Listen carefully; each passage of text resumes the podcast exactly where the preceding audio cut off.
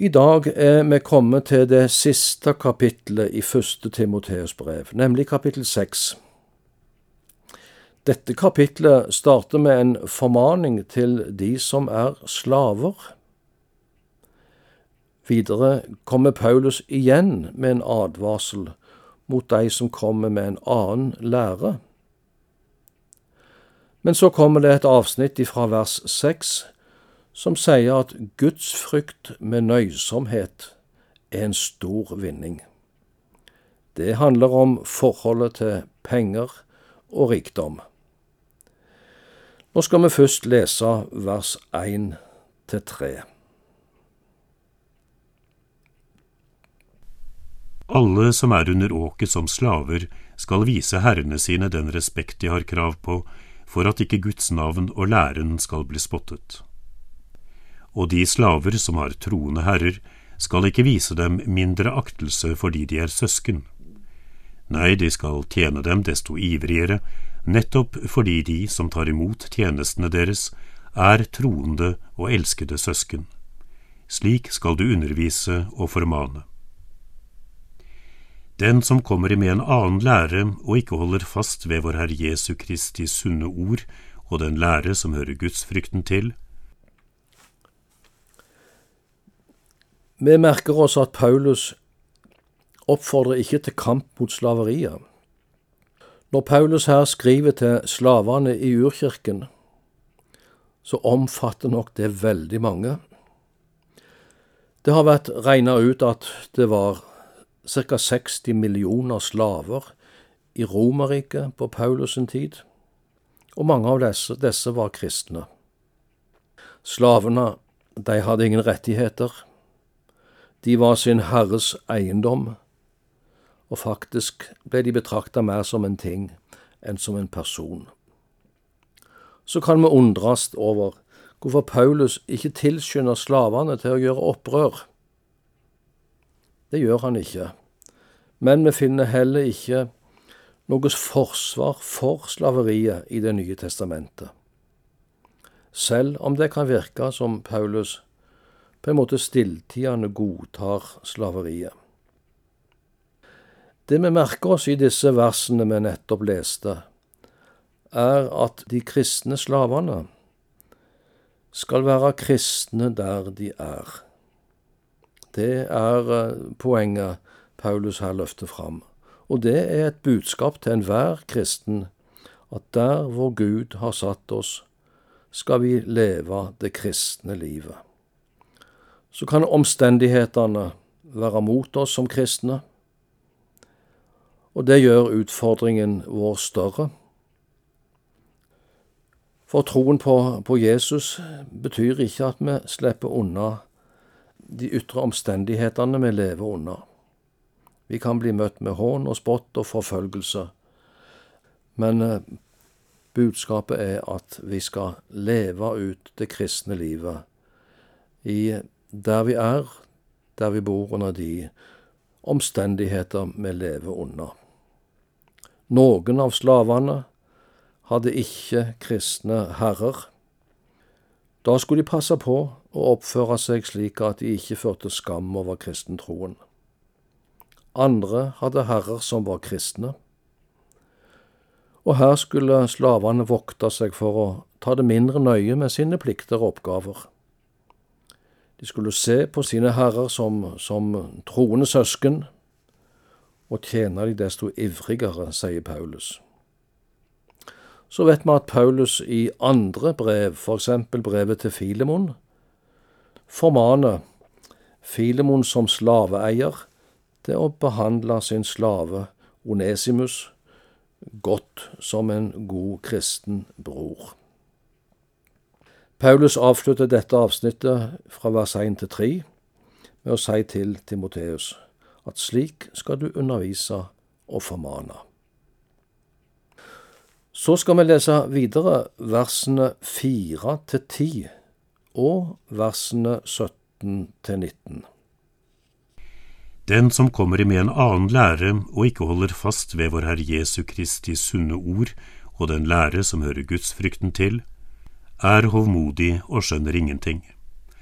Han er bare syk etter diskusjon og ordkrig, og dette skaper misunnelse, ufred, beskyldninger, onde mistanker og stadig krangel mellom mennesker som har mistet dømmekraften og er kommet bort fra sannheten. De mener gudsfrykten er en vei til vinning. Ja, gudsfrykt med nøysomhet er en stor vinning. For tomhendte kom vi inn i verden, og tomhendte må vi forlate den. Har vi mat og klær, skal vi nøye oss med det. Men de som vil bli rike, faller i fristelser og snarer og gripes av mange slags tåpelige og skadelige begjær som styrter mennesker ned i undergang og fortapelse. For kjærligheten til penger er roten til alt ondt. Drevet av den er mange ført vill, bort fra troen, og har påført seg selv mange lidelser.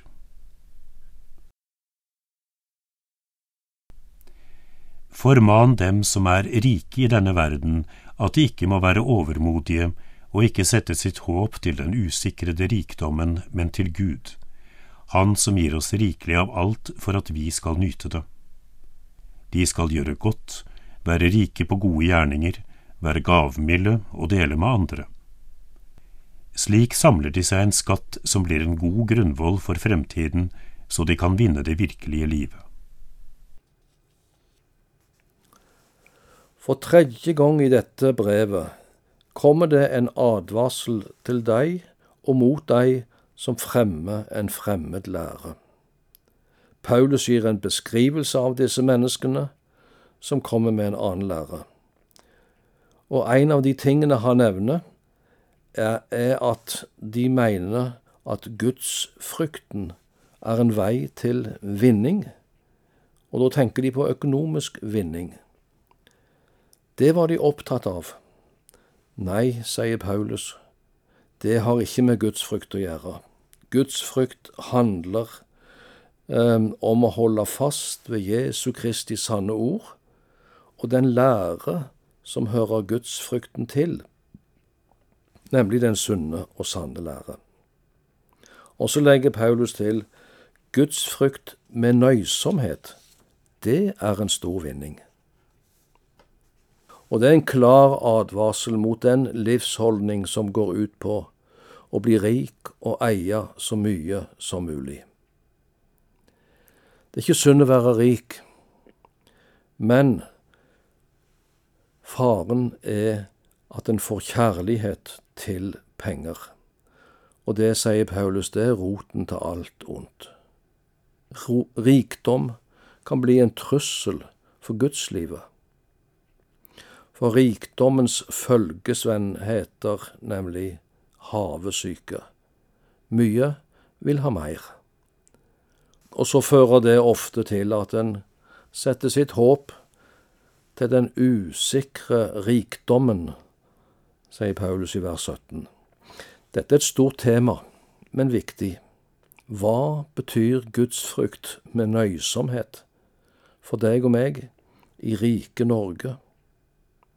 Hva betyr det for oss når Paulus sier For tomhendte kom vi inn i verden, og tomhendte må vi forlate den. Har vi mat og klær, skal vi nøye oss med det. Ja, det minner oss i hvert fall om at alt vi har, har vi til låns, har vi til forvaltning. Vi er vant til at reklamen forteller oss om alt det vi trenger, og om alt det vi fortjener å bruke på oss sjøl. Materialismen er farlig for en kristen. Vi blir så lett forbrukere i stedet for forvaltere. Vi skal forvalte det vi har fått, til beste også for andre og vi skal stå til ansvar som forvaltere. Derfor sier Paulus til Timoteus, forman de som er rike. De skal gjøre godt. De skal være rike på gode gjerninger, være gavmilde og dele med andre. La oss ta til oss denne formaningen om rikdommens farer, og forvalte det vi har fått, og til gode for andre. Nøye oss med det vi har, ja, det er lettere sagt enn gjort. Våger vi å snakke med hverandre om at nøysomhet kan innebære en enklere livsstil, der hvor livskvalitet blir viktigere enn levestandard? Vi må i hvert fall minne hverandre om å ikke sette vårt håp til den usikre rikdom, men til Gud, Han som gir oss rikelig av alt. Paulus sin klare formaning til Timoteus er Hold deg borte fra dette, blant annet fra kjærlighet til penger, og jag etter noe helt annet. Og det skal vi lese videre om i versene 11 til 16, og til slutt en hilsen i versene 20 til 21. Vi leser disse versene. Men du, Guds menneske, hold deg borte fra dette. Jag etter rettferdighet, gudsfrykt, tro, kjærlighet, utholdenhet og ydmykhet.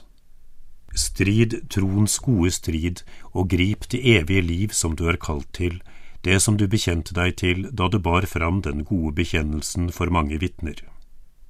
For Guds ansikt, Han som gir alle ting liv, og for Kristus Jesus, han som vitnet og bar fram den gode bekjennelsen for Pontius Pilatus, pålegger jeg deg, ta vare på oppdraget og hold det rent, så du ikke kan anklages for noe, helt til vår Herre Jesus Kristus kommer. Det skal han la oss oppleve når tiden er inne.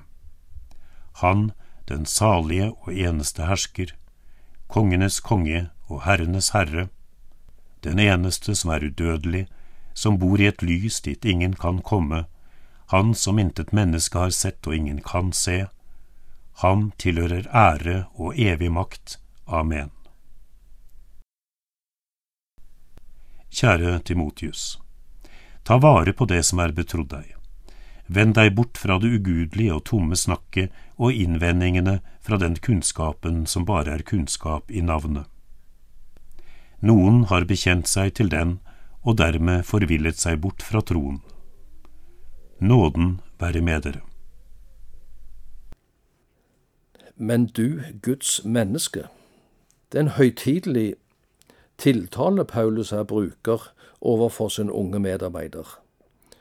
Uttrykket sier noe om at Timoteus ikke er sin egen herre. Guds menneske, Gud, har kalt han Gud har gitt han et oppdrag. Du tilhører Gud, Timoteus. Som Guds menneske skal han jage etter rettferdighet og gudsfrykt.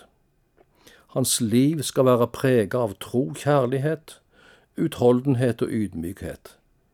Det skal kjennetegne han som Guds menneske. Dette kallet har Timoteus sagt ja til, det gjorde han i mange vitners nærvær da han bar fram den gode bekjennelsen, står det. Og de fleste mener at det skjedde da han ble døpt. Ta vare på oppdraget ditt, Timoteus. Det vil koste kamp, men strid troens gode strid, og grip det evige liv. Denne appellen til Timoteus avsluttes ved at Paulus retter oppmerksomheten mot Jesu makt og herlighet. Det minner meg om Hebreabrevet kapittel tolv, hvor vi blir oppfordra til å legge av alt som tynger, og synden som så lett fanger oss inn, og med utholdenhet fullføre det løpet som ligger foran oss. Hvordan? Jo, med blikket festa på Han som er troens opphavsmann og fullender, Jesus. Stå i denne kampen, Timoteus, heilt til Jesus kommer. La du merke til hva som eh, sies om Jesus i den lovsangen vi nettopp hørte lest. Hør, Han, den salige og eneste hersker, kongenes konge og herrenes herre, den eneste som er udødelig, som bor i et lys dit ingen kan komme, han som intet menneske har sett og ingen kan se, ham tilhører ære og evig makt. Selv om Paulus her taler til Timoteus og det oppdrag han fikk som hyrde i menigheten i Efesus, så skal vi også ta dette til oss. Vi har fått et oppdrag, et kall om å strie troens gode strid og fullføre løpet. La deg oppmuntre om det vi nå har minnet hverandre om. Første Timoteus brev har et særlig budskap til de som har fått en lederoppgave i Guds rikes arbeid. Men det har også et budskap til oss alle om hvordan vi skal ferdes i Guds hus, som er den levende Guds menighet. Brevet avslutter med en hilsen til oss alle. Nåden være med dere.